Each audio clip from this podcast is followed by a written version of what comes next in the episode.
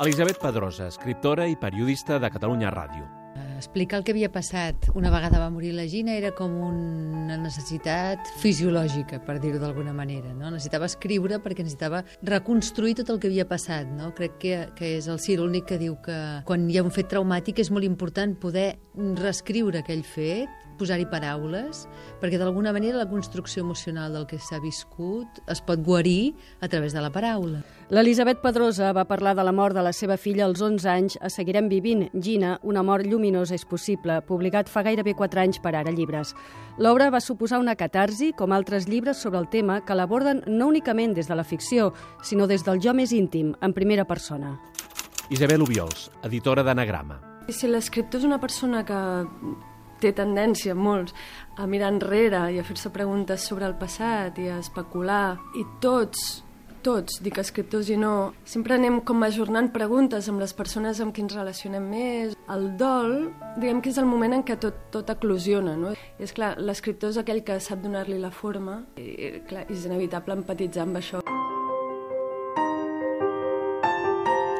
Anagrama ha publicat El tumor de Toni Soler i fa 3 anys va editar També això passarà, de Milena Busquets, on parlava de la seva mare, que va tenir un gran èxit. El segell Amsterdam el va publicar en català. Miquel Adam, editor d'Ara Llibres i Amsterdam. O sigui, el Toni Soler és un personatge públic i la, i la mare de la Milena Busquets era l'Ester Tusquets, gran editora, i també era un personatge públic. I entenc que l'interès que tenen aquests llibres eh, va, va a parts iguals, perquè és un personatge que tu coneixes d'alguna manera i perquè t'explica com una mena d'intimitat o unes confessions d'algú que tu doncs, més o menys coneixes d'alguna manera.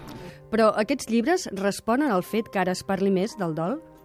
Cristina Sánchez Miret, doctora en Sociologia i directora del Departament d'Empresa de la Universitat de Girona. Amb la crisi, tot el que semblava que era estable es fa inestable. I això també ajuda a que les persones que s'ho estaven passant molt malament, eh, per diverses raons, entre elles també el dol, eh, ho facin de manera manifesta, ho diguin eh, obertament i socialment, i sigui acceptat, acceptat i llegit d'una manera diferent que abans. Cristina Llagostera, psicòloga i especialista en psicologia de la salut, atenció pal·liativa i dol. Normalment la societat eh, gairebé no et deixa ni baixes quan tens un dol i sí que ara sembla que, que surt més a la llum aquesta part de, de, de dolor, no? de que la gent comença a parlar del seu dolor, de les seves experiències, no?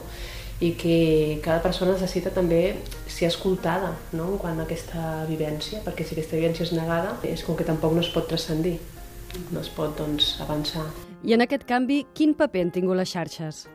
Dolors Reig, psicòloga social, experta en xarxes i cibercultura. Les xarxes socials, des del punt de vista de que ens permeten trobar-nos amb qualsevol possible diferència, peculiaritat, moment vital, etc., sí faciliten aquest, aquest compartir el dol. Si abans vivies en un poble petit i tenies un patiment que consideraves únic, era difícil que miressis de trobar altra gent que el compartís. Les tecnologies escalen aquesta possibilitat de trobar gent amb les mateixes nostres problemàtiques en un moment determinat. En aquest sentit, els llibres també acompanyen i trenquen tabús, com el de la Paula Bonet, Roedores, que parlen de la pèrdua gestacional. I entenc que el llibre de la Bonet obeeix a una mena de redescobrir el patiment de la dona, quan els homes, en principi, sempre l'hem l'hem obviat o l'hem deixat de banda. Jo suposo que aquest llibre és interessant per, per això, perquè és un tipus de dolor en el qual els, eh, hi havia un tabú, suposo que construït pels homes, i aquest tabú està desapareixent, afortunadament. El dol és aquella cosa males de Max Porter, entre ells dos, de Richard Ford, o Aprendre a parlar amb les plantes de Marta Oriols són només alguns títols recents de llibres que parlen del dol, al costat d'altres amb més recorregut, com Un home de paraula d'Imma Monzó, Memòries d'una viuda de Joyce Carol Oates o Trena de cendra de Carme Guasc. Escriure, a mi personalment em va ajudar molt, no? i poder-te sentir acompanyat emocionalment a, a través de les paraules d'algú altre, eh, jo crec que, que et consola molt.